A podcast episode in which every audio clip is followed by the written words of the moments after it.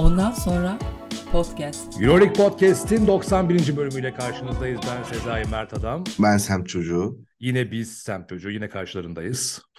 Evet tekrar İnsan- yine biz geldik. İnsanların hayatlarına kama gibi girmeye devam ediyoruz. Ee, basketbol vesilesiyle. Çal Abi yazında neredesiniz falan diyorlar. Yani işte böyle Evet ya. dengeliyoruz. Dengeliyoruz bir şekilde efendim.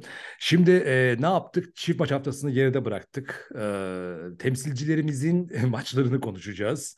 Yine kapışmayı konuşacağız ama bu bölüm bir farklılık olacak. Ne yapacağız? E, böyle talepler de gelmişti zaten. Şimdi artık e, 14.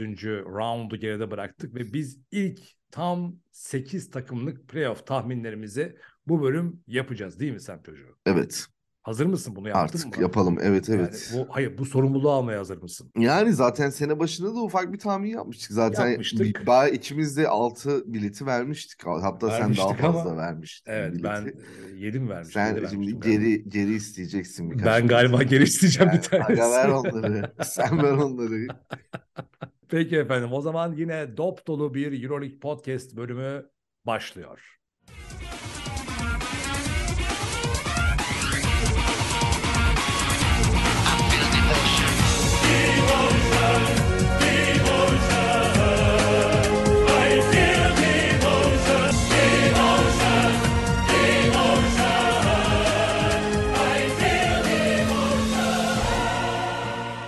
Bu sefer anonsu ben yaptım bak. Sen yap abi zaten.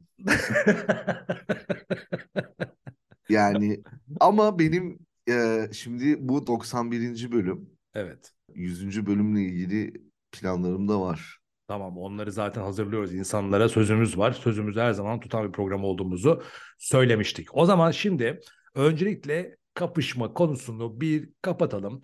Bu hafta tabii çift maç haftası olduğu için aradaki bölüme yani bizim Express bölümümüze az tahmin geldi. Biraz da insanlar tabii hafta içi olduğu için az e, izlediler, dinlediler filan. Hadi tamam kabul ediyoruz.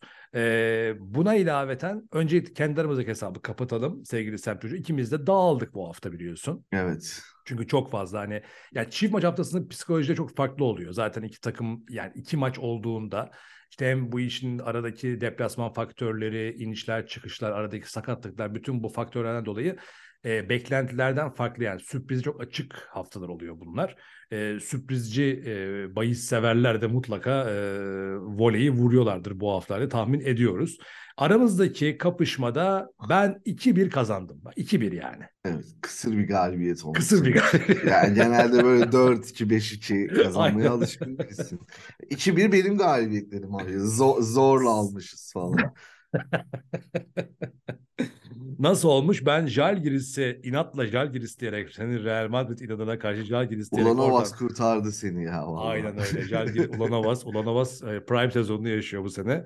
E, Bayern'le e, karşında kazanmışım. Sen de Barcelona e, tahmininle benim karşımda sayını aldın E, ve 2-1 Bak, niye inatla kaybak ben Panathinaikos diyorum. Oradan kazandın sen. Yani bir takım inatlarımız var ya ikimizin de. Senin Evet. Real Madrid inadın var. Benim işte Panathinaikos inadı. Bir beklenti aslına bakarsan bu. bu- hadi Real Madrid'den beklentiden bahsedemezsin de benim bir, bitmek tükenmek bilmeyen Panathinaikos beklentim var. Aslında seri de yapmışlardı ama seriyi sonlandırmış oldular. Şimdi efendim o zaman gerçi onlar ilk maçta da kaybettiler galiba. Ee, durum bu. Şimdi bakalım tahminlere e, geçen bölümde tahminler yapanlar vardı. Onları dikkate aldık. Bir düzeltme yapalım. Sevgili Ebru Hacı Osmanoğlu'dan öncelikle bir özür dileyelim. O çünkü bir sonraki yani cuma günü tahminleri yapmış. Kafa karışıklığı e, yaratıyorsun demiştik. Yaratmamış. Biz onu anlamamışız.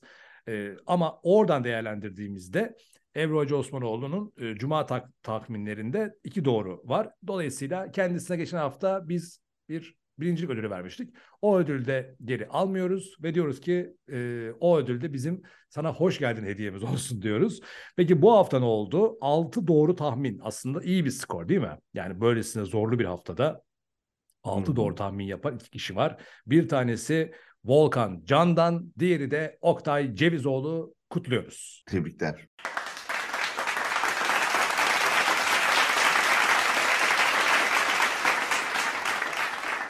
Evet, iki e, bizim yakın sadık dinleyicilerimiz Üstadlar Volkan Candan ve Oktay Cevizoğlu 6 doğru tahminle ipi göğüslediler bu hafta.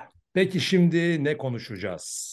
Yani çok tatsız be, değil mi? Bu hafta öyle geçti yani. Ee, ya evet temsilcilerimizin kaybetmesi evet bir tatsızlığa yol açtı. Ee, Tatsız. zaten biraz da tat, böyle değişik maçlardı ya bu hafta. Ben biz Perşembe günü maçlarını Real Madrid ve Kızılyıldız maçlarını izledim. Hı hı. Ee, Asfer maçını da izledim. Ee, yani böyle nasıl desem e, değişik maçlardı ya. Ya sanki böyle favori Çok takımların mesela serbest atış kaçtı mesela. Çok dikkatimi çekti. Çok fazla çok fazla. e, evet. 3 sayılık atış atılır atarken faul alan oyuncu oldu ve bu adam hep kaçırdılar bunları bu arada. Ee, yani ilginçti ya o yüzden. Fenerbahçe'nin. Fenerbahçe'nin ve Efes'in yaşadığı sorunlar aslında hemen hemen bütün favori takımların yaşadıkları bir hafta oldu. Ee, ya bir şey var ama ortak gördüğümüz bir şey var. Öncelikle Ya herkes kaybetti. Yine bir Aynen. teselli oldu bizim için yani. Fenerbahçe hala lider. Efes yine masada hala. Tabii canım, Efes her zaman masada abi zaten. Yalnız lider derken şöyle oldu. Barcelona ve Monaco Fenerbahçe'yi yakaladı. Yani 14'te 10 galibiyet 3 takım. Ya Monaco Fenerbahçe'ye gelince konuşuruz Monaco bağlamında da. Ee, Olympiakos, Real Madrid ve Baskonya 9'ar e, galibiyet. Efes de masada diyorsun zaten. İşte ilk 8'e girmiş vaziyette 7'şer galiba ama 7 takım 7 galibiyet olan 4 takım var orada da. Efes, Maccabi, Žalgiris ve Kızıl Yıldız. Yani e, hemen hemen herkes masada yine aslına bakarsan biz tahminlerimizi yapacağız. Önce hangisinden başlayalım sonra tahminlerimizi de bağlarız. bağlarız şey. Ah, Fenerbahçe. Fenerbahçe Kronolojik mi gidelim? abi. Kronolojik gidelim evet. Kronolojik Fenerbahçe. gidelim. Ya öncelikle Evet, Baskonya. Baskonya'yı kutlamak gerekiyor. Adamlar geldiler hakikaten böyle e, İstanbul turnesinden tokatlayıp tokatlayıp döndüler yani. İki galibiyet, güzel yemekler şekli, ucuza alışveriş falan da yapmışlardır. Vallahi billahi ya. Baskonyalılar haftanın en mutlusu ya gerçekten. İstanbul şey- vurgunu diyelim. Baskonya'nın İstanbul vurgunu. Baskonya'nın İstanbul vurgunu. Başlığımızı bulduk. Bu haftanın bir başlığını bulduk. Baskonya'nın İstanbul vurgunu. Gerçekten Penerroya ve e, öğrencileri böyle bir de ben şimdi bakıyorum yorumlardan filan mest ettiler bir de İstanbul seyircisine. Yani Fenerbahçelilerin de Efes'in de yorumlarına baktım böyle ta- taraftarlar yorumlarına Twitter'dan özellikle. Yani Baskonya çok beğenildi bir de öyle bir şey de var. Bu takım kesin playoff yapar. İşte bize gelen yorumlar da öyle. İşte kesin playoff yaparlar. Harika takım kurmuşlar falan diye bayağı böyle bir köpürtüldü Baskonya.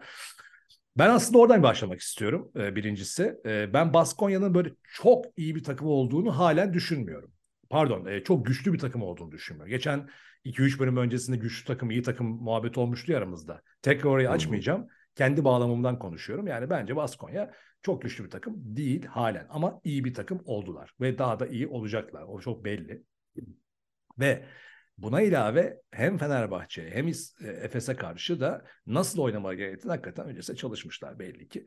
Ancak her iki takımın da defolarından iyi yararlandılar. E, Efes Ve Baskonya düzenlerinden asla çıkmadılar abi. Bu da önemli bir çok noktaydı. önemli ya. Şimdi bak çok güzel bir şey söyledin. Hiç düzenden asla çıkmadılar. Özellikle Efes maçında e, skorda geriye düşmelerine rağmen asla yani geri adım atmadılar o konuda. Çok e, önemli bir şey Mesela söyledin. Bence bu- Fenerbahçe'nin yapamadığını yaptılar zaten mesela maç sonunda Fenerbahçe eğer e, hatta e, yorumcu da e, aynı şeyi söylemişti. Yani Fenerbahçe maçı e, üçlüklerle kazanacağını düşünüyor ama bence yanlış yapıyor. Daha çok süre var demişti. 3 Evet. dakika kala falan. Aynen. Orada Baskonya düzene sadık kaldı ve Fenerbahçe düzenden çıktı zaten maçta ge- geri gelmedi yani. Bu özetiydi zaten bütün maçın. Kesinlikle öyle. Baskonya, yani Euroleague, Euroleague'de şu var aslında. Bütün maçlar için söyleyebiliriz bunu. Bütün takımlar için. Artık öyle bir nokta geldi ki. Evet e, takımlar arasında bir güç farkı e, halen ciddi makas olduğunu ben görüyorum. Ama düzenden şaşmak, panik olmak, aceleci davranmak en güçlü takıma da kaybettiriyor. Özellikle e, seviye olarak daha aşağıda olan kadrolar Baskonya gibi. Yani kime karşı diyeceksin işte biliniyor bu takımlar. Yani 5-6 Barcelona tane. bile bu krizlere giriyor ya. Yani Kesinlikle öyle. Fenerbahçe değil yani. Kesinlikle öyle. Yani ciddiye alıp e, düzenden çıkmadan oynayan, rakibin defolarına oynayan e, bu tarz takımlar, orta seviye takımlar e, kesinlikle bu maçlarda e, ayakta kalabiliyorlar. Fenerbahçe için söyleyeceğim şu aslında eksikler kısmına girmeye gerek yok. Dechampierre döndü bu maçta ama Ya birincisi e, Olympiakos maçında da Baskonya maçında da ikisinin ortak bir şey gördüm ben. O ilk ma- geçen baş bölümde söylemiştim ya. Maçın başında bir kere Fenerbahçe hiç yapmadığı bir şey yapıyor iki maçtır. Yani maçın başında karşı taraftan fark mesela 20 sayıya çıktı bu maçta da mesela ilk yarıda. Hı hı. Ya bu fark e, böyle bir eksiklerin olduğu, şut tarafının düştüğü e, bir ortamda Fenerbahçe'nin geri dönüşü sağlaması çok büyük takdire şayan büyük takım olduğunu, şampiyonluk yani Final Four adayı bir takıma yakışan şekilde 20 sayıda olsa her iki maçta da geri dönmeyi başardılar. Maça ortak olma, maçta da kopmadılar. Bu çok değerli. Ama gel gelelim maçı kazanamıyorlar. Yani e, her 20 sayı, her 15 sayı geri düşüne maçı kaybedecekler anlamında söylemiyorum ama bu çok önemli bir handikap. Yani bu iki maçta da bunu gördük. Yani maçın başında bu kadar geri düşmek e, her ne kadar bu takıma çok büyük övgüler yağdırsa da herkes bizi de öyle sezon başındaki performansından dolayı. Ama bu da çok zorlayıcı bir şey. Çünkü e, mesela Efes maçında gördük bunu e, işte Partizan maçında.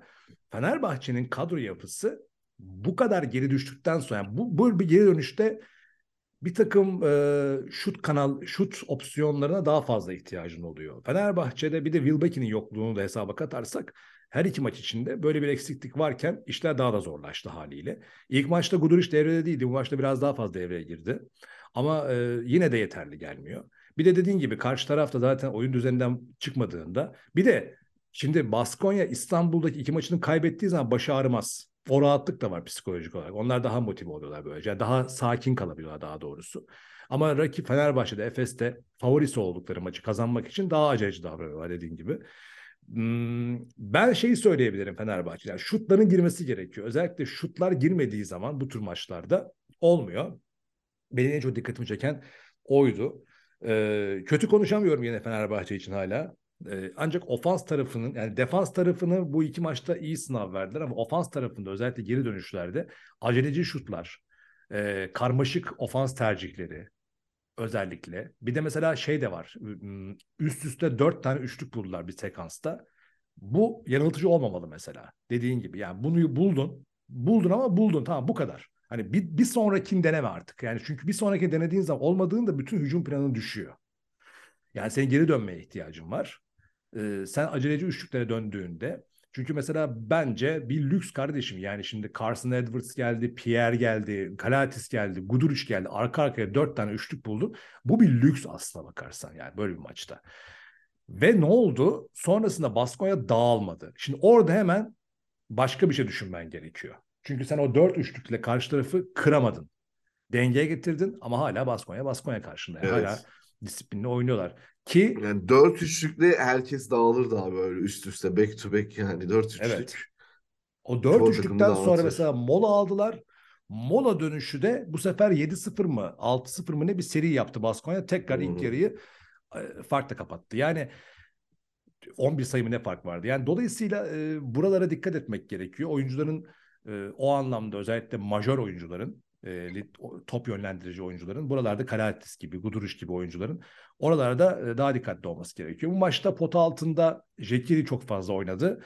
E, çok fazla kısaya döndü Itudis. E, bunlar da tabii ki iyi stratejilerdi Baskonya'yı delmek adına. Ama olmayınca olmuyor bazen de sonuçta. Ben dediğim gibi kötü konuşamıyorum. Ha, Fenerbahçe düşüşe geçti diye diyebilir miyiz? Üst üste üçüncü mağlubiyet Telekom maçıyla birlikte. Yani Wilbeck'in döndüğünde e, Motley de döndüğünde ki yakın zamanda dönecek ikisi de ve bu üç maçın bir böyle bir nazar boncuğu gibi de değerlendirildiğinde ben hani tekrar bir, bir düşüş trendinin yaşanacağını açıkçası şu an düşünmüyorum. Ee, transfer tarafı tabii ki çok konuşuluyor bu mağlubiyetlere beraber. Kostas Antetokounmpo'nun ismi geçiyor. Ee, ya mutlaka tabii ki faydalı olacaktır Kostas Antetokounmpo. Ama Kostas'ın getirisi konusunda da Fenerbahçe taraftarda bir fazla beklentiye girmesin. Oradaki en önemli avantaj e, koçun Dimitris Itudis olması. Yani çok iyi tanıyan, milli takımda da onun koçluğunu yapan bir isim Itudis. Ee, özellikle Kostas'ı işaret ediyorsa, gelsin diyorsa e, bu anlamda bir artısı olacaktır. Ancak e, sezon başı unutmayalım. Son olarak şeyi söyleyeceğim hani bu söylediklerimle ilgili. E, Dediğim gibi yorumcunun da söylediği bir şey vardı. Ben katılıyorum. Hatta geçen bölüm söylemiştim ben bunu. Yani evet şimdi bu dördüncü mağlubiyet geldi Euroleague'de. Pardon beşinci mağlubiyet geldi. Yani insanlar bir endişeleniyorlar. Aslında endişelenme gerek yok çünkü sezon başındaki 10 galibiyetlik süreç de e, yani bir taraftan pardon 4 galibiyet 4 mağlubiyet oldu. 10 galibiyetlik süreç biraz ekstraydı. Hı hı. Yani onu da söyledi mesela maç sonunda. Ertuğrul Erdoğan mıydı? Yani Evet. e, onu da göz önüne almak gerekiyor. Yani Fenerbahçe totalde şu anda Barcelona ve Monaco ile aynı galibiyet sayısıyla birlikte lider ol, ol- olmuş durumda ama bunun yerine 14 maçın sonunda sezon başını hatırlasa Fenerbahçe taraftarı şu anda Fenerbahçe 5. 6. olsaydı da çok sorun etmezlerdi. Yani değil mi? Ya abi kimse yani bir şey olacak denseydi sezon başında abi tabii ki de ya kabul ederdi herkes bu böyle bir senaryoyu bence. Kesinlikle. O yüzden Yani uzun şikayet uzun olacak maraton. kimse var mı yani işte sezon Yok. başındasın diyorlar ki işte sen Aralık ayının sonunda lider olacaksın. Barcelona ve Monaco'da seninle aynı galibiyette. Aa ne kadar güzel Evet, dersin. direkt okey dersin geçersin yani Yani değil mi? tabii yani çünkü Barcelona alıp başını gitmemiş falan hani Aynen. ilk üçte kafan rahat. Kesinlikle ve fikstür yönünden de bakıldığında Fenerbahçe'nin şimdi bir bakalım mesela önümüzdeki süreçte kimlerle nasıl e, maç yapacak Fenerbahçe'nin bundan sonraki süreci nasıl diye bir bakalım. Mesela Abi bir partizan maçımız var bizim galiba şimdi? Bologna deplasmanı var öncelikle. Bir Bologna deplasmanı çıkıyor. Ee, pardon Bologna deplasmanı değil. Önce Partizan maçı var. Ha, bilet Hmm. aldığım maç evet. Şimdi Partizan maçı var. Sonra Bologna deplasmanı var. Ki sert takımlar. Ee, sonra Žalgiris deplasmanı var. Panathinaikos deplasmanı var. Bunlar tabii zorlu bir süreç. Yani bu dört maçtan yine bir iki mağlubiyet minimum çıkabilir. Yine enseyi karartmak lazım. Çünkü daha sonrasında bir iç saha e, süreçleri başlayacak. Yani bunu bir şekilde dengelerler diye düşünüyorum. Ama Fenerbahçe ilk dörtte bitirir mi? Ya Itudis'in CSK deneyimi, işte ilk 10 maçlık galibiyetini ortaya koydukları, takımın potansiyeli, fikstürün değerlendirilmesi, yapılacaksa belki bir tane daha transfer, Kostas veya başkası, sakatların geri dönmesi e, ve takımın daha da olgunlaşması hesaba kattığımız zaman ben gelecek açısından, açısından Fenerbahçe'de böyle panik yapacak bir şey görmüyorum. Sadece dediğin gibi oyun düzenlerinden, aceleci şutlardan e, kaçınılması gerekiyor. Oyun düzenini bozmamak gerekiyor. Benim gördüğüm oydu. Baskonya'yı da hakikaten alkışlamak gerekiyor. Haftanın takımı abi Baskonya yani. Ya kesinlikle evet. Evet evet. Ya abi ben bu maçla ilgili e, son bir yorum yapmak istiyorum. E, kapanışı yapacağım Fenerbahçe'ye. Bu aynı bağlamda da Žalgiris Real Madrid maçını konuşmuş olacağım. Hı E, yani iki maçı birden aslında yorumlamış olacağım. Şimdi şöyle başlayayım abi. Bu maçın kaybedilmesindeki bence etkili sebeplerden biri de seyircinin yani artık nasıl ifade edeyim yani bilmiyorum ama yani e, yani seyirci seyirci orada yani. Yani Ülker Arena artık şey bir yer olmuş yani böyle Starbucks gibi bir yere dönüşmüş anladın mı? Yani insanlar gitmek için gidiyor artık. Yani ben demiyorum ki genç Fenerliler gibi 90 dakika tezahürat yapsınlar ama maçın çok önemli yerlerinde takıma destek olabilecekken, takıma ivme kazandırabilecekken beceremediler yani. Böyle mesela herkes kızıyor işte ya Efes'in DJ'yi daha iyi bilmem ne falan filan. Ya abi adam ne yapsın onu çaldı bunu çaldı işte Fenerbahçe marşını çaldı çünkü Fenerbahçeliyiz şeyini çaldı 2-3 kişi çünkü Fenerbahçeliyiz diye bağırıyor falan yani böyle bir salonda abi yani kim David Guetta, Tiesto hepsi birlikte çıksa yine bu salonu coşturamaz yani öyle söyleyeyim. Yani böyle kötü bir audience yani. Mesela Žalgiris Real Madrid maçına bağlayacağım buradan. Şimdi Žalgiris Real Madrid maçında abi Žalgiris yemin ediyorum tam bir kaos basketbol oynadılar. Tüm planları reboundları almak ve Tavares'i durdurmak üzerineydi. Tamam mı? Ve böyle bir rebound'a 5 kişi falan giriyorlardı böyle. Yani müthiş bir rebound mücadelesi yaptılar ve Tavares'e yaptıkları muamele de Fenerbahçeliler bilir. Sörlot'un Trabzonspor'da oynadığı zaman bir Serdar Aziz Sörlot mücadelesi vardı. Serdar Aziz tüm maç böyle bildiğin dayak atıp sadece sarı kart görmüştü falan. Hatta yani sırtına alıp taşımıştı falan böyle. Yani o şekillere girdi Tavares. Tavares'i bozdular. Şey yaptılar. Ama ne oldu biliyor musun işte orada mesela Ulanovas bir tane üçlük attı abi saçma sapan böyle yani Jairus artık tıkanmış çıkış hı. bulamıyor falan filan. Jairus orada bir üçlük attı abi salon bir yıkılmaya başladı. Sonra bir tane daha attı yine hani kimse beklemiyorken aa bu sefer salon alev aldı. Buna işte Tavares pozisyonlarında Tavares'i bozdular işte. Mesela bir pozisyon vardı. Bence sportmenlik dışı faul değildi mesela. Sportmenlik dışı faul çaldırttılar falan. Tavares paket oldu zaten. Orada sinirleri minirleri gitti böyle yani. Real Madrid gerçekten yani adamlar maçtan kopardılar. Ne yaptılar 90 dakika tezahürat mı yaptılar? Hayır. Oyunu çok iyi bilerek, çok iyi takip edip çok güzel baskı altına aldılar. Yani bence mesela Jagiris maçındaki galibiyetin %50'si Ilonovas'sa %50'si de seyirci yani. O takımdaki e, şeyi ateşi e, bildiğin böyle alevlendirdiler yani. Çok iyi yaptılar. Mesela bunu Asvel seyircisi de yapıyor bence iyi bir şekilde. E, ama gel gelelim Fenerbahçe seyircisi gerçekten artık yani bunu söylemek zorundayım ama yani böyle yani sanki Halk TV kitlesi işte bunlar orada oturuyor falan sadece salona İzmir marşı söylemek için gidiyorlar yani başka bir şey yapmıyorlar yani. Fenerbahçe maçlarına giden birisi olarak söyleyeyim ben de bu senin yani böyle saçma bir şey yani. Anladım.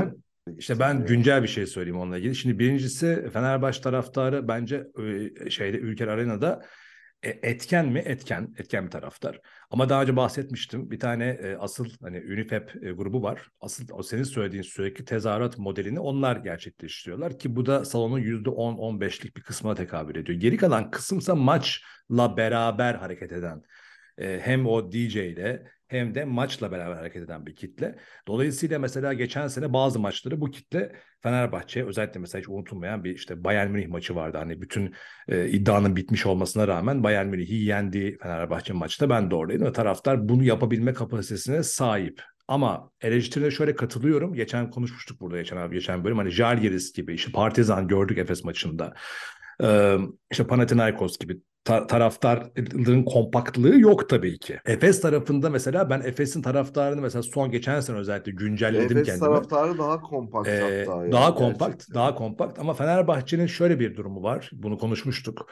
Fenerbahçe bir spor kulübü ve ağırlıklı olarak futbolun taşıdığı bir kulüp. Bunu da atlamamak gerekiyor. Ve geçen bölüm çok konuş, geçen sezon çok konuştuğum gibi, söylediğim gibi yani futbol e, psikolojisinin de aynı zamanda basketbolu da etkilediği e, bir durum var. Bu maça baktığın zaman da e, ben şuna yazıyorum sadece o senin söylediğin eksikliği ben kendim şöyle yorumluyorum. Fenerbahçe taraftarının şu an hala bir tedirginliği var. Bu tedirginlik çok negatif bir tedirginlik. O da şu. Acaba her an işler kötüye gidebilir mi? Yani birazcık böyle işler kötüye gittiğinde, bir iki tane mağlubiyet geldiğinde sahada mesela ben Twitter'da baktım. Hemen e, yorumlar gelmeye başlıyor. Ya niye böyle, niye kötü gidiyoruz, işte ne oluyor, ne bitiyor. İki maçtır mesela bu çift maç haftasında basketbol takibi yapan insanlar da hemen böyle bir feveran e, yorumlara başlıyorlar. Bu tedirginlik bir eşik. Bu eşik aşılmadı. Bu eşiğin sebebi, bu tedirginliği sebebi de Fenerbahçe'nin geride bıraktığı 7 yıldır. Yani basketbol tarafında 7 yıl sayamayız belki. Basketbol tarafında böyle 4 yıl sayabiliriz. Yani bir tedirginlik var. Bu tedirginliğin esiri oluyorlar biraz kötü gittiği zaman işler. Bence bu tribüne de yansıyor. Yoksa ben şeyi hatırlıyorum yani Obradovic'in e, o Fenerbahçe'nin son Final Four'unda Efes'te oynadığı e, o sene mesela taraftar o kadar hakimdi ki bütün her şeye ve bir eminlik vardı. Bak o eminliği kaybetti Fenerbahçe taraftarı. Yani emindi. Gelen kitle emindi.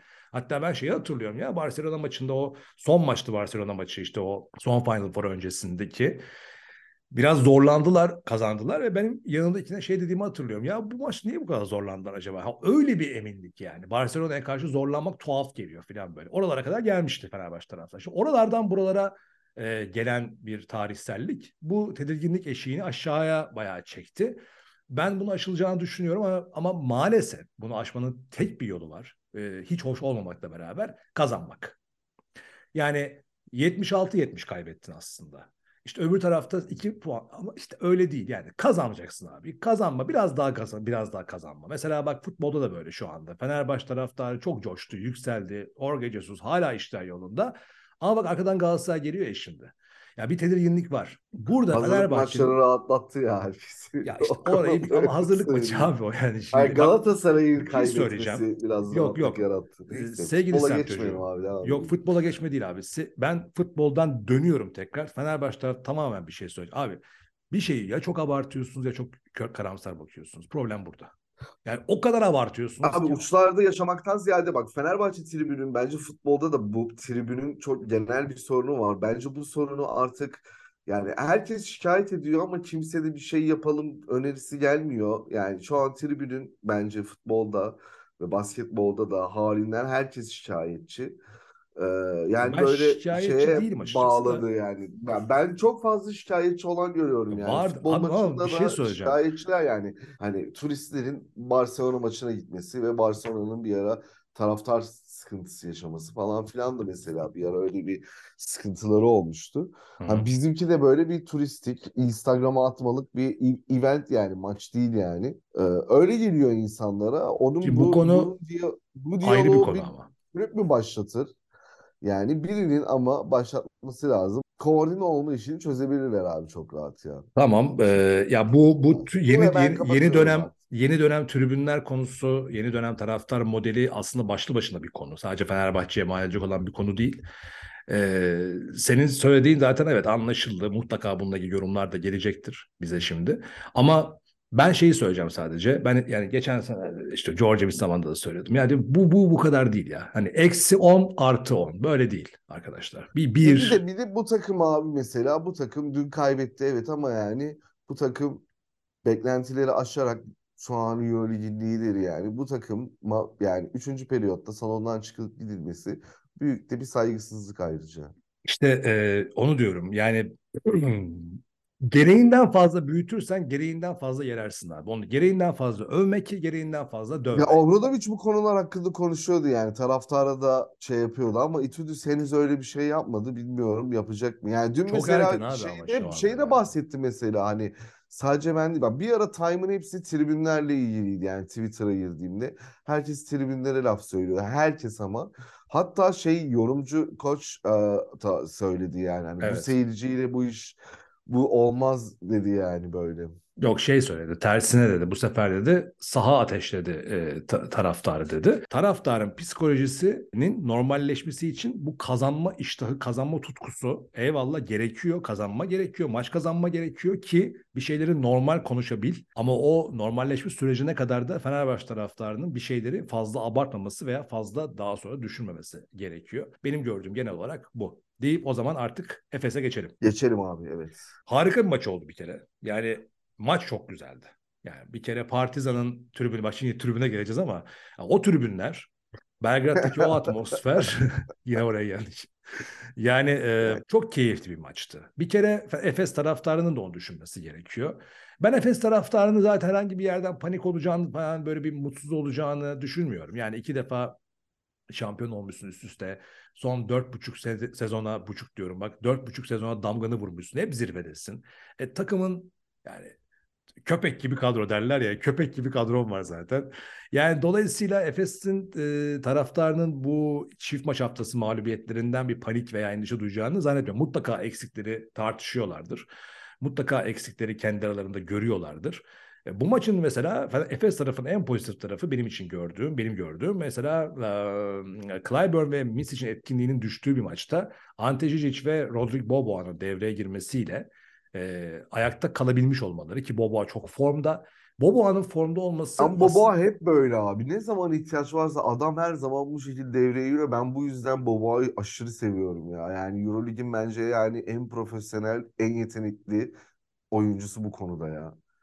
Her zaman en, hazır. en iyisi değildi de en iyilerinden biridir. Bak yine Yani Fenerbahçe'nin ya değil bu misin konuda işte ama bak. yani mesela abi, söyleyeyim. sen de Hayır, Fenerbahçeli bu bak. Hemen en iyisi o dedi bak. bir şey söyleyebilir miyim? Evet en iyisi bu. Şimdi şöyle söyleyeyim bu konuda ama hangi konuda biliyor musun? Şimdi bu adam bence yani Rodrik Boboa şu an Euroleague'de hangi takıma giderse gitsin o takımın starı olur kesinlikle. Bu hem, hem fikir miyiz? Yani starı olur. Evet. Her takımın starı olur.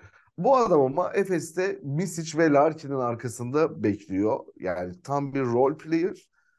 Ama geldiği zaman da ona sorumluluk zamanı starda oluyor yani. Bunu yapabilen başka bir adam yok yani Euroleague'de. Onu demek istiyorum. Eyvallah. Ama e, şimdi tabii ki öyle ve mesela Yani iki adam maçtır bence çok yani alçak gönüllü yani öyle söyleyeyim yani. Bu yeteneğiyle bu rolü kabul edip böyle zamanı gelip mesela şimdi bu maçta çıktı starlarını yaptı. Bir sonraki maç gidecek yine yan role devam edecek. Yani bu olağanüstü bir şey abi kişilik ya. Çok iyi bir, kişi- bir şey yani. Evet bir de mesela e, Efes için bu senenin ana planında pota altını beslemek vardı. E, Ante Žižić ve Polonara, Mbaye değişim falan bu yüzden yapılmıştı. Geçen sene Petrusev'e gerçekleşemeyen değişim. Yine de tam olarak olmasa da mesela mesela bir maçta Plyce ve Dunstan yanında başka bir 5 numaranın Zizic gibi ya da Žižić gibi bir 5 numaranın etkinliğiyle beraber Efes'in ayakta kalması Efes'in çok önemli bir değer. Hep burada şey konuşuyoruz yani herkes konuşuyor işte Larkin Misic takımı burası falan diye. Bu sene bu kimlikten yavaş yavaş ha diyecekler ki e, kaybediyoruz. E, tamam yani kaybederek zaten o oluşur. Yani önemli olan kazanman kaybetmen değil. Önemli olan etkinliğini nereden sürdürebildiğin. Bu maçta mesela benim en çok dikkatimi çeken o oldu. Elijah Bryant'ın daha fazla bir Efesli olarak bu sene takımda yer aldığını görüyoruz. Bu çok değerli. Ama Tembaye belli maçlarda iyi şeyler yaptı ve oyunun içine daha fazla var şu anda. Belki Polonara çok katılamadı şu anda takıma halen. Ee, yani onu da artık tekrar deşip konuşmaya gerek yok. Süreç içerisinde ne olacaksa olur. Ama totalde bakıldığında ben Efes'in takım anlamında e, pozitif yönde olduğunu görüyorum. Partizan tarafında... için de oyun planına dahil olması da iyi abi. Onu diyorum işte Burada, zaten. Yani... yani oyun planının içerisinde bir öğe olması çok önemli. Çünkü o yüzden alındı bu adam. Yani Ante Žižić Plyce'a alternatif olarak alınmadı aslında. Direkt alındı. Yani direkt Žižić ana planda e, Žižić, Mbaye, e, Larkin, Misic, Clyburn. Ana plan bu. Clyburn beklenilenin üzerinde bir sıçramayla başladı sezona. Ve resmen Larkin'in eksikliğini komple kapattı. E, Misic zaten Misic. E, buna ilave bu isimler geldiğinde diyorum yani bu e, iyiye bir gidiştir Efes için. Ben asla şöyle bir şey göremiyorum yani. Ha, kötü iniş var, düşüşe geçiyor, kriz var asla. İyi bir partizan vardı. Sen mesela partizana Eurocup takımı diyorsun ama ben yine tekrar katılamayacağım. Ee, iyi bir kadroları var, çok iyi bir takım olacaklar. Bunu da bir kez daha gösterdiler. Başlarında bir maestro var zaten. Ve işte Avramovic de döndü şimdi sakatlıktan sonra. Ee, yani bir kere çok yetenekli e, hücumcuları var. Kevin Panther başlı başına bir güç zaten. Abi Pot altında... de çok iyi oynadı bir de dünya. Nunnally'e ekstra faktördü. Eski Aynen. Prime Fener günlerinden bir kesit sundu ya bize. Yani Fener Efes e, maçı koparamadı. Problem oradaydı. Yoksa öndelerdi. E, birkaç defa daha öne geç ö, ö, önde olup da fark da açtılar. Mesela Misic'in son saniye üçlü iki ilk yarının sonunda müthiş bir mesajdı. Yani bu maçı biz alırız abinin mesajıydı. Ama Obradovic tabii ki e, ve Partizan takımı buna izin vermedi. Efes'te de Misic ve Clyburn etkinliği düşünecek ki onlara yapılan baskılar çok başarılıydı ama Bobo Aziz işte de bu kadar oluyor. Dolayısıyla Partizan'ın işte kadrosunun üzerinden konuşuyordum ben zaten. Bu kadronun birbirine bağlanması, bu kadronun oyunlarının düzenlerinin oturması, Obradovic'in talimatlarını daha iyi algılaması, Kevin Panther gibi hücumcuların, Kevin Panther, Dante Exum ve Papa Petru gibi hücumcuların etkinliğinin artması ki Dante Exum neler yaptığını gördük. Bu adam NBA star abi. Yani bir düşüşe geçtiği için gelmişti şeye. Cleveland'dan geçen sene Barcelona'ya. Dün onu bayağı düşündüm ben de. Yani Dante Exum olacak mı acaba falan. Yani Obradovic'in elinde olacak olacakmış gibi görünüyor ya. Bir kere Obradovic ondan Texun transferini boşuna Diyor yapmadı. Da. Boşuna yapmadı abi. Bunları bak şimdi şöyle düşünmek lazım. Yani Obradovic'in bu sene Partizan ikinci sezonu son gelişinin ve bu sene Euroleague takımı kurmak üzere masaya oturmuş bir adam bu. Ve e, yani boşuna Papa Petru ve Dante Exum transferlerini e, boşuna yapacak bir adam değil. Yani abi boşta Papa Petru var ya da sallanıyor Panathinaikos'u mutlu alalım mı? Ha, alalım o zaman diyecek bir adam değil. Bu bir plana göre yapılmış olan transferler. Tıpkı Fenerbahçe'de nasıl böyle 3 sene 4 sene içerisinde kadroyu oluşturdu. Ee, burada biraz daha acele etmesi gerekiyor tabii ki. Fenerbahçe'deki gibi bir durum yok orada. Biraz daha başarı çok daha acil gelmesi gerekiyor ki tutunabilsin Euroleague'de. Ama e, bu, bunların hepsi işte James Nunnally'nin mesela adam zaten Fenerbahçe'den tanıyor.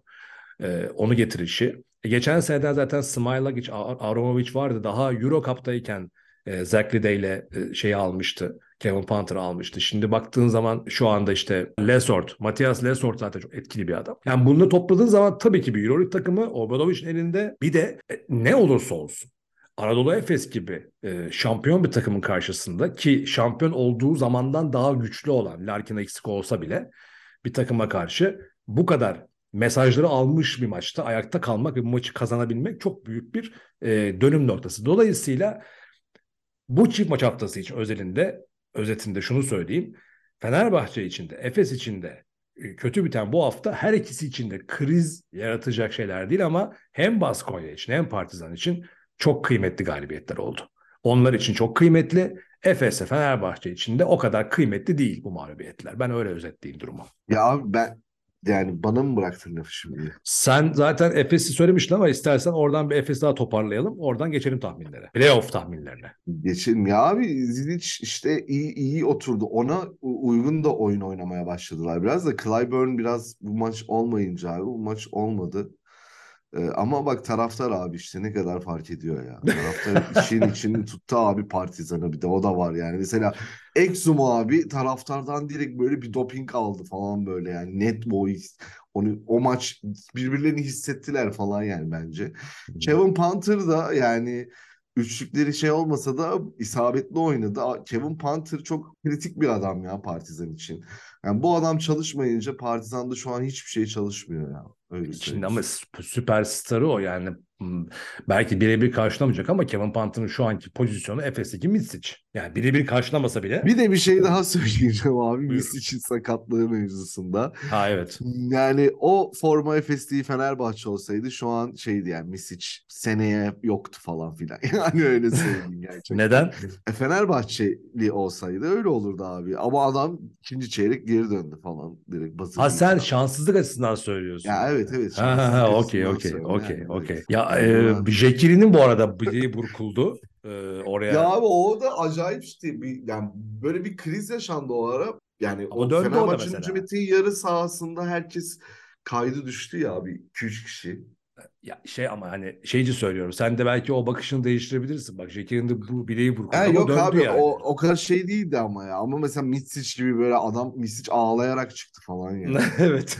Herkes şey dedi yani adı ben ben dedim ki olan dizine bir şey oldu yani acaba diz kapağı mı kırıldı falan niye bu kadar ağlıyor falan. Yani benim, çünkü benim de çapraz bağlarım koptu.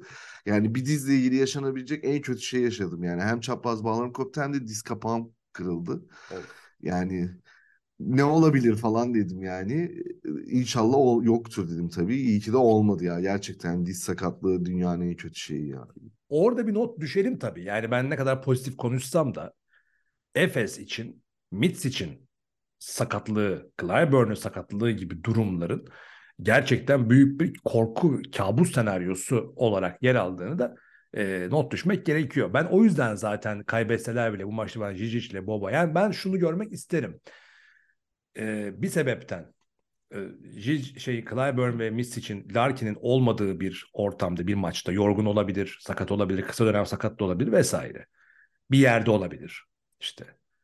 Orada bir Euroleague maçında bu üç oyuncunun olmadığı bir kurguda Efes'in işte şeyle Bobo'yla, Burhan Tuncer'le, Elijah Bryant'la, işte Polonara'yla, Mbaye'yle, Dunstan'la, Plyce'la ki gerçekten kaliteli bir liste çıkarttım şu anda.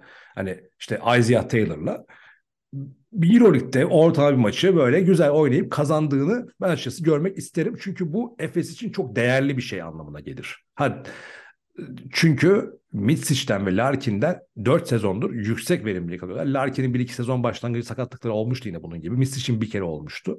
Ama biri yokken biri vardı mutlaka yani dengeli. Şimdi bir de mesela biri yokken biri var ama biri üzerine Clyburn var. Dolayısıyla hani buradan değerli buluyorum ben özellikle bu oyuncuların performanslarını. Çünkü rakipler artık buna daha odaklı hazırlanıyorlar. Hani oyuncular sahada olsa dahi Partizan maçında olduğu gibi oyuncular sahada olsa dahi bir şekilde onları durdurmaya, onların pas kanallarını eritmeye, onları sürekli olarak zor, zor şutlar attırmaya zorlayan savunmalar gerçekleştiriyor. Buralarda işte ekstra faktörler çıktığı zaman Efes yine en kötü ihtimal maçı son bölüme taşıyabiliyor. Bu anlamda da değerli bulduğumu söyleyeyim. Işte Abi ben bu maçla ilgili son bir konuyu söyleyip sorup onunla kapatacağım mevzuyu. Ee, biraz da eğlenelim abi. Ee, bu maçtan önce şey demiştik. Ergin Ataman Tabii ki de konu. Ergin Ataman işte bir şey yapar mı falan diye hep şey oldu ha, falan filan. Yapmadı ama. Adam durdu durdu. Ben maç sonunda bombayı patlattı abi. Ha, Ee, onu atladığın bir şey mi var? Evet atladığım bir şey var. Şöyle bir açıklama yapmış. Önemli maçları kazandığımız zaman oyuncularımız mükemmel oluyorlar ama kaybettiğimiz zaman tüm sorumluluk bende oluyor. Bir anda çok kötü bir koç haline gelip takımını nasıl organize edeceğini bilemeyen, bilmeyen biri oluyorum. Bu sebeple kaybettiğimizin tek suçlusu benim. Ben çok kötü bir baş antrenörüm. Bu sebeple Euroleague şampiyonu olamayacağız. Hatta koçluk yapmayı bile unuttum. Çok dengeli bir lig oluyor. Kimin şampiyon olacağını bilmiyorum ama bizim olamayacağımızdan eminim. Çünkü ben çok kötü bir koçum. Yani gerçekten adam durdu durdu maçın sonunda bombayı patlattı. Ne diyorsun? Çok iyi hatırlattım bu arada bunu söyleyerek. iyi, iyi bir şey. Çok güzel. Yani ben Ergin Ataman'ın bu açıklamasında açıkçası ben Ergin Ataman'ın bu açıklamasının şu anlama geldiğini ya düşünüyorum. Adam gerçekten uç yani. Şu Güzel anlama kafalar. geliyor. Ee, yo yo bence gayet aklı başında bir açıklama. Ee, ama bir tek anlamı var. O da Ergin Ataman yurt içindeki bütün yorumlar belki biz de dahil ciddiye alıyor, e, önemsiyor. Sosyal Takımını medyaya bakıyor. ediyor abi bir de yani bu da var yani şimdi bir de takıma da bu takıma da yönelik bir laf yani söylüyor bir anda bir anda. Ben öyle görmedim. Yani çünkü takım içerisinde ya bu mağ- mağlubiyet olabilir yani. Hani bu Ya bence de olabilir abi zaten normal Kaldı ki bu mağlubiyetin faturasını çıkartan bir oyuncu da yok. Hani geçen maçta biraz Mistic'e dokundurdu. Baskonya maçında. Bizim Ama yani böyle bir duygusal boşalma da beklemiyordum yani. Ne oldu bütün maç yani kimse de yani şey yapmadı yani Partizan seyircisi de şey yapmadı adamı. Ya Obradoviç'i görünce bir haller oluyor bu adama ya. Ya bilmiyorum ben öyle bir... Şimdi sen de ortalığı Kim- karıştırmaya biri bir ya. Tam kimyası bozuluyor. ya. Tam Fenerbahçelisin abi Kimyası ya. ama abi öyle değil mi şimdi? Yalansa yalan adamın yaptığı açıklamayı oynar. Resmen yani komedi Ben ya. Gerçekten. açıkçası o açıklamayı şöyle düşünüyorum. Bilmiyorum. Belki bizden daha fazla izlenilen basketbol programlarının da hepsini takip etmiyorum sonuçta. Yazılanlar Bizi mi var. dinledi acaba Ergin Bilmiyorum orasını ama e, ben bütün bunların hepsinden Ergen Ataman'ın şöyle olduğunu düşünüyorum. Yani bir saygınlık kaybı yaşadığını kendi öyle görüyor olabilir. Yani kardeşim burada herkes Larkin'in Mistic'i konuşuyor. Larkin'in Mistic'e şampiyon oldu bilmem ne. O olmasaydı olmazdı filan Bence işte böyle. saygınlık kaybı değil abi. Bence adam hak ettiği saygınlığı görmediğini düşünüyor. Tamam aynı şeyden bahsediyorum. bence Tam ondan konuda hak- ben. haklı ama yani kendisinin işte. yüzünden oluyor bu yani. Kendi kendi kendisi yüzünden yani. Biraz daha yani Yok, ben- ya anlıyorum. Ya, agresif çok agresif olması iyi de yani böyle ne bileyim oyuncularını bile adam provoke ediyor yani. Ben bence bu, bu, bu- bunu ben böyle yorumluyorum yani. Çok tehlikeli sularda yüzüyor. Ee, ama yani çılgınca ya o yaptığı şeyler. Hmm, bak, çok dominant oyuncuların olduğu takımlarda. Futbolda da böyledir yani. Teknik direktörlerin e, onun onların gölgesinde kadar çok dominant oyuncuların olduğu böyle favori oyuncuların olduğu takımlar şampiyon olduklarında kazandık maçları kazandıklarında teknik direktörler hep ikinci planda kalırlar ve hep şöyle bir algı vardır. Derler ki ya abi o takımı herkes şampiyon yapar. Yani halbuki bu, bu tamamen büyük bir yola, yalandır yani. Kocaman bir yalandır. Yani siz şunu ben tekrar söylüyorum. Ergin Ataman da burada ben kendi adıma en azından iade itibar yapayım. O anlamda tabii ki bir şey olacaksa. Büyük takımları büyük hocalar yönetir. Sıradan bir hoca o büyük takımın altında ezilir. Kaldı ki o Georgievic zamanı çok konuştum geçen sezon burada. Yani bu seviye head coachlar oturup da oyun çizmekle e, işte oyunculara nasıl şut atması gerektiği, nasıl pozisyon alması gerektiğiyle değil, o oyuncuların egolarıyla, o oyuncuların ritimleriyle, o oyuncuların günlük hayatlarını yöneterek ortaya bir takım kimyası çıkartmakla meşgullerde daha çok, iletişimle meşgullerde daha çok. Bütün bilgilerini bu yönde kanalize ederler, saygınlıklarını oradan üretirler. Dolayısıyla e, Ergin Hoca'nın altını çizdiği yer, hani siz galiba beni tamamen unutuyorsunuz. Burada 4 senedir bu takımı zirvede götüren benim. Yani baş antrenörü benim daha doğrusu. Zirvede giden takımın baş antrenörü benim. Valla ben de şunu düşündüm. Süper Madem benim açtın. yani. Madem lafı açtın o zaman ben de sana şunu söyleyeyim. Fenerbahçe, aman, e, Anadolu Efes Shane Larkin'i aldığı sene Fenerbahçe Tyler Ennis'i almıştı. İkisi de NBA'den gelmeydi. Bir başkası e, Vasilya Misic. Efes'e Shane. Larkin yine NBA'den ya NBA'den geldi de Avrupa'da oynayıp NBA'ye geri dönüp tekrar geri gelmişti. Şu anlamda söylüyorum. Star mı? Star. Yani NBA patentli oyuncu mu? NBA patentli oyuncu. Point guard mı? Point guard. Eyvallah. Vasilya Micic geldiği zaman, Efes'e geldiği zaman şu anki süperstarlığında değildi. Efes kadroyu kurduğunda işte Adrian Warman Barcelona'dan geldi, Chris Singleton dolaşıp geldi filan böyle. Bryant Dunstan zaten yılların oyuncusu. Yani böyle bakıldığı zaman bir Tibor Plyce mesela keza öyle. Bunların hepsinde bu motifi yaratan Larkin Misic eksenini birer süperstar guard rotasyonu haline getiren, bu oyun aklını oraya yerleştiren, bu egaları yöneten Ergin Ataman'dır abi. Şimdi onun hakkını ye, yiyemezsin yani. Ha adamın çıkışları, tavırları burada eleştiriyoruz, konuşuyoruz, tartışıyoruz ama yani ben de Ergin Ataman'ın veya hiçbir head coach'un oradaki emeğini yedirtmem. Yani Barcelona'nın kuruluşu gibi bir kuruluş değil Efes'in kuruluşu. Barcelona nasıl kuruldu Yaskevicius geldikten sonra? Nasıl kadro kurdular abi? Mirotic Direkt. gel abi. Karatis gel abi. Abi ne kadar süperstar var. Topladılar. Hepsi süperstar bunların. Hepsini topladılar. Yıldızlar Real Madrid'in Los Galacticos'u gibiydi. Yani ki hala öyle. Yani Milano öyle işte. Ettore Messina'nın Milano'su öyle. Bu şu anda sürünen bu sene bu, bu an neyse galibiyet aldılar e, Kızıl deplasmanında. Bu sezon başında konuştuk abi. Ne var ne yok topladılar yani. Kevin Pangos gel abi. E, Brandon Davis gel abi. Melli gel abi. Hepsi star. Ama bunlar star değildi. O kadar değildi. Bu takımı o seviyeye çıkartan 5 yıllık çalışma sonunda Ergin Ataman'dır. Atlamamak gerekiyor. E sonra da ne yapıyor? bir şey var elinde bir şey yapmış artık inşa etmiş. Onun üzerinden oyun planı kuruyor. Ha bir şey de diyemeyiz abi sonuçta e, öyle böyle öyle böyle iki tane şampiyonluk cepte duruyor. Orada yazıyor iki tane Final Four bir tanesi final bir tanesi üçüncülük bir ta, iki tane kupa bir tane de normal sezon birinciliği var etti beş. Yani bir şey diyemezsin. O Abi zaman Milano sen de yapsaydın bu derler. arada. Milano hakkında da bir ufak kelam etsek mi iki dakika ya? Edelim hadi ondan sonra tahmin Adamlar playoff yani var. döndü ama yani çok şey bir galibiyet oldu ya böyle yani. Bir ara maçın sonunda yani getiremeyecekler falan dedim. Çünkü şey Nicolo Melli bile Bartel gibi üçlük atmaya falan başlamıştı. Hatta tweet attım falan. Sahada şu an 5 tane Bartel var. Hani maçı nasıl bitirecekler. Ama bitirdiler abi. İyi bir özgüven oldu. Ee, Nedovic çok ilginç bir adam abi. Bu bu adam daha bu sene Kızıldız'da daha bizi çok şey yapar. Yine gitti hani 6'da 0 üstüne bir tane 7'de 1 isabetle oynadı. O tek isabeti orta sahadan attı falan. İlginç bir çar abi. Kızıldız izlemeye devam. Campazzo'yu da gelirse böyle her maçın Gelirse oturup değil geliyor. e, her maçını oturup izleyeceğiz galiba artık Kızıldız'ın o taraftarla birlikte. E, ama Olimpiyaya yani Milano'ya sevindim ya. Vallahi sevinsin garibanlar abi gerçekten. Ben Milano'nun geleceğini hiç parlak görmüyorum bu arada. Bu galibiyetle e, yeni bir şeyler başlar mı? Başlamaz. Ama Ben abi Milano- Kyle Hines falan olmuyor ya. Yani sağ, belki soyunma odası liderleri var ama saha içi lideri kesinlikle yok, abi. yani. Geçen, Kimse geçen bölüm o sorumluluğun zaten. altına girmek istemiyor Geçen bölüm yani konuştuk ya Sem çocuğu. Tamam artık hani o soyunma odasıydı, içerisi dışarısıydı. Ne yapsam boş bir yerden Ama sonra. abi bir de mesela yani şimdi bu maçta böyle daha bir yani nasıl diyeyim daha bir özgüvenli görünüyor. Yani Barron'ın ekstra performansı olmasa hani yine çok da şey olmayacaktı. ben de bundan yani. bahsediyorum zaten. Yani evet dediğinde haklısın ama yani tabii ki de önemli bir şey oldu onlar için yani özgüven oldu. Valla yani. Milano bu kadar tantanasını Kızılyıldız deplasmanında kazanmak üzerine yaptıysa kendileri bilir. Yani buradan bir şey çıkmaz. Hani bu bir reaksiyon değil. Bu maçın içerisinde kalmak.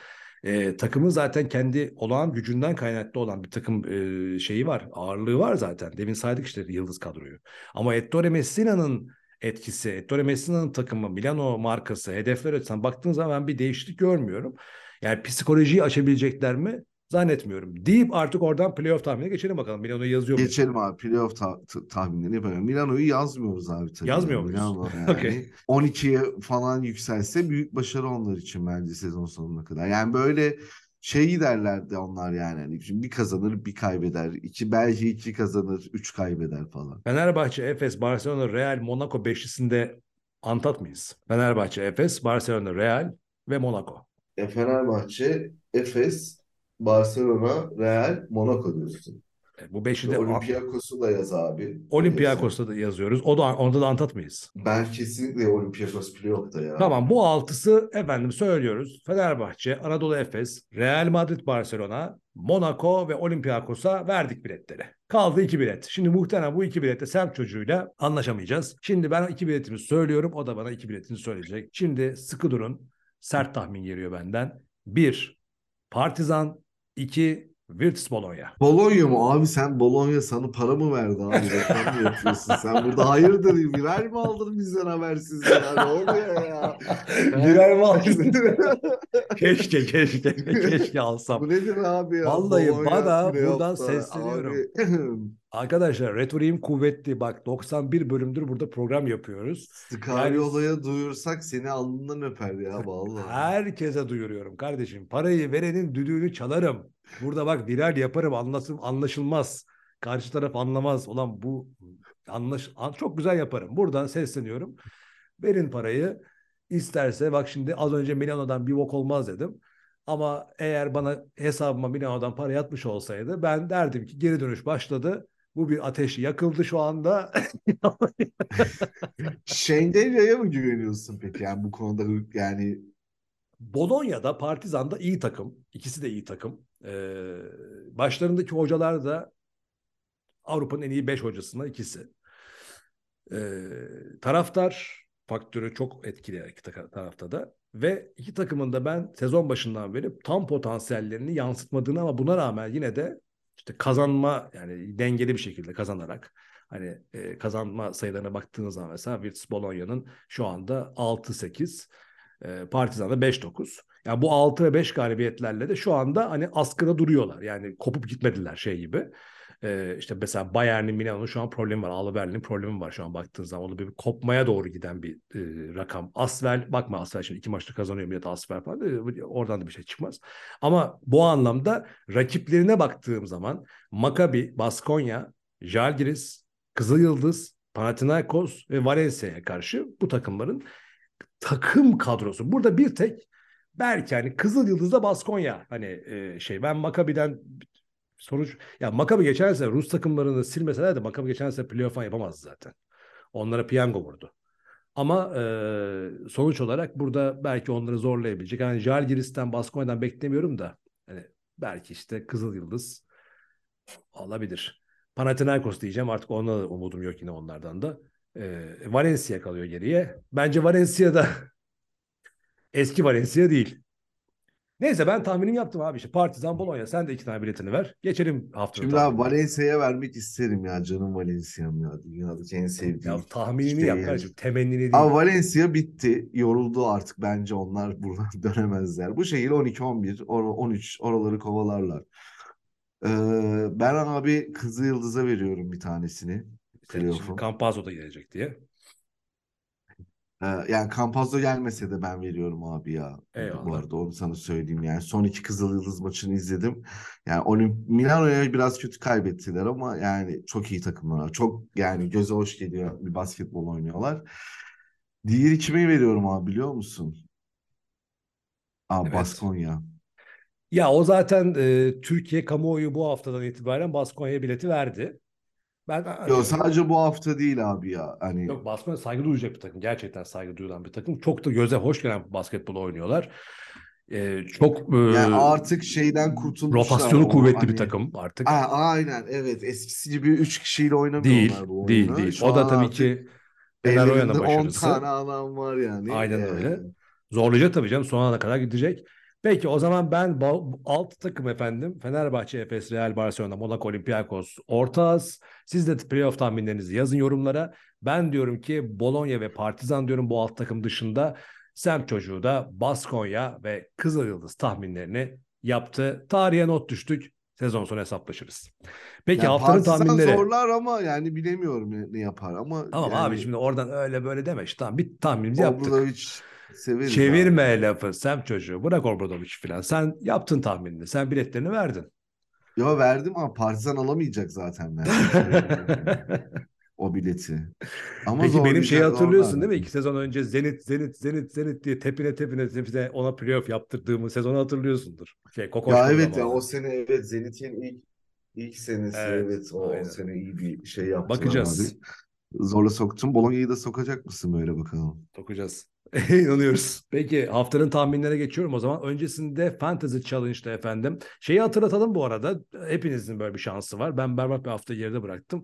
Ee, Fantasy Challenge'da belki atlıyorsunuzdur. Ee, haber verelim biz de sizlere. Her hafta dünyanın lideri açıklanıyor. Yani birincisi komple bütün Euroleague e, camiasının lideri açıklanıyor. Euroleague e, sitesi resmi sitesinde ve ödül olarak da mesela bu hafta Euroleague TV 2023-2024 Euroleague TV e, üyeliğini verdiler mesela. Kime vermişler? E, bir tane Yunan bir arkadaş galiba e, almış ödülü e, bu hafta. Kimmiş ya? Gian Damiano Bovi. Ha pardon oymuş evet. Gian Damiano Bovi Yunan değil. İtalyan. Geçen hafta galiba Yunan kazanmıştı. Neyse işte böyle sizin de böyle bir şansınız var. Herkesin böyle bir şansı var. E, hepimizin olduğu gibi. Peki bizdeki durumlar nasıl oldu? E, Cansan Caps takımıyla çok az bir farkla Fil Sahili Spor önüne geçip zirveyi aldı bu hafta. İkinci sırada Fil Sahili, üçüncü sırada Sweet Dreams, dördüncü sırada Exama Ahmet Tamel, Sweet Dreams İlker'e üçüncü sırada, üçüncü sırada, beşinci sırada Nikos var yine. E, neydi o takım? Trifos, Trifos 7 ile Teta ile. Tetra mıydı? Neyse. Ee, Bostancı BC 6. Özgür Yalçın, Oki Spor 3 Oktay Cevizoğlu 7. Spartaküs BC İlke Çevik 8. Baryos, Bar Yosef e, 9. Atamer, Ahmet Tamer de 10. şu an toplamda. Tek maç gününün şampiyonunu biz de açıklayalım. Tek maç gününün şampiyonu da kim oldu? Turks and Caicos Thunder takımıyla sevgili Cengiz Keçeli de bizim Euroleague Podcast'in tek maçta e, şampiyonu oldu. 152 puan toplamış. Ben de berbat bir haftayı geride bıraktım. Umarım toparlanırız. Ben toplam şu 62.yim. Hayırlısı be gülüm diyoruz. Haftanın tahminlerine geçiyoruz o zaman. Hazır mısın sen çocuğu? Hazırım. Haftanın tahminleri. Evet yine zorlu maçlar var. Ee, tahmini zor maçlar var. Fenerbahçe benim öve öve bitiremediğim Partizan'la evinde oynuyor. Ben de bu maçta olacağım bu arada. Ne diyorsun? Sen yine şimdi Fenerbahçe diyeceksin değil mi? Ee, abi ben Fenerbahçe diyeceğim. Sakatlar dönecek artık herhalde ya. Dönecek evet. Jelko Obradovic eski evine geri dönüyor. Ee, Partizan Abi güzel bir başında adama karşılamada yapmamız lazım. yapılacak. Yani. O zaten tabii yapılacak. Yellow. Legacy e, dediğimiz olay gerçekleşecek ve bu maçta ben de olacağım. Fenerbahçe Partizan maçı ne olur? Hadi bakalım ben de Fenerbahçe. ben de Fenerbahçe diyeyim. Olympiakos Kızılyıldız güzel maç. Ee, yine Olympiakos diyorum ben. Olympiakos Kızıl Yıldız. Ben Kızıl Yıldız diyorum. Tamamdır. Alba Berlin Maccabi. Alba çok zorladı ha bu hafta. Bak Monaco'yu yeniyorlardı. ha. Vallahi yeniyorlardı evet. Monaco'yu. Çok sürpriz oldu. Benim için mi diyorsun evet. sen? Ben Maccabi diyorum evet. Ben Alba diyorum ya. Hadi bakalım sana inat. Ee, Maccabi'yi de döve döve dışarı çıkaracağım ha playoff bandında. Hadi Ba- bakalım. Baskonya Bologna. Seninkiyle benimki hadi bakalım. şimdi. Aynen. Haydi bakalım. Playoff'a abi belli yani burada bence konuşmayalım ya. Yani, Tamam, ben de ben Baskonya'dan Bologna yani. Tamam, Baskonya dersen şu an komik olur yani. Yok Abi Bologna Playoff bileti veriyorsun yani. Bologna Baskonya bu maçta hop birader İstanbul'da gez eğlendin kendine gel der diyorum ben. Real Madrid Asvel. Yani Real Madrid diyeceksin muhtemelen. Ya Asvel iyi bir mücadele sunacaktır yine ama Real, Real Madrid, Madrid Show kazanır. izleyeceğiz abi bu maçta. Bu maçı izleyin ya. Aliyuplar, meliyuplar, smaçlar, değirmen smaçları falan. Bakacağız, O potansiyeli bakacağız. var yani bu maçın. o kadar emin olma. Anadolu Efes Panathinaikos. Çok güzel maç yine. Efes alır ya. Efes alır mı? Alır herhalde ya. Efes alır. Peki Efes diyoruz. Žalgiris Bayern Münih. Žalgiris. Bayern Münih diyorum. Bak bir kıpırdanma gelecek oradan. Milano Monaco. Milano. Ben Monaco diyorum. Güzel. Ve Valencia Barcelona İspanya Valencia. iç maçı. Valencia? Valencia. Valencia mı diyorsun? Evet. Yok abi Barcelona'nın forması kazanır bu maçı ben sana söyleyeyim. Abi sana bir şey söyleyeyim? Neden Valencia diyorum? Çünkü bence e, şimdi böyle diyorsun ama mesela şimdi İspanya'da bunlar abi çok karşı karşıya geliyorlar Evet. zaten. Hı-hı. O yüzden böyle çok farklı oluyor Euroleague'de İspanya takımlarının birbiriyle mücadelesi ve genelde de e, mesela bence daha çok sürpriz oluyor. O yüzden ben Valencia'nın kazanacağını düşünüyorum ya. Yani Bakacağız. herkesten daha iyi biliyorlar onlar Yok bu dediğin de bu dediğin oluyor zaten. Ama yine de her şeye rağmen Euroleague maçlarının psikolojisi değişebiliyor. İşte Fenerbahçe Efes maçında da değişiklik oluyor. Yani ligdeki başka oynuyorlar, burada başka oynuyorlar. Peki o zaman sevgili Sem çocuğu ağzına sağlık. Tatlı bir program oldu. Tatsız bir haftanın ardından tatlı bir program olduğunu düşünüyorum. Sen ne düşünüyorsun? Evet. Bence de öyle oldu abi. Peki, o Tatsız zaman haftaya tatlı, Tatlı bir muhabbet, yaptık. muhabbet bıraktık e, efendim. Yeni haftada görüşmek üzere. Ben Sezai Mert Adam. Ben Sem çocuğu. Hoşçakalın. Hoşçakalın. Ondan sonra podcast.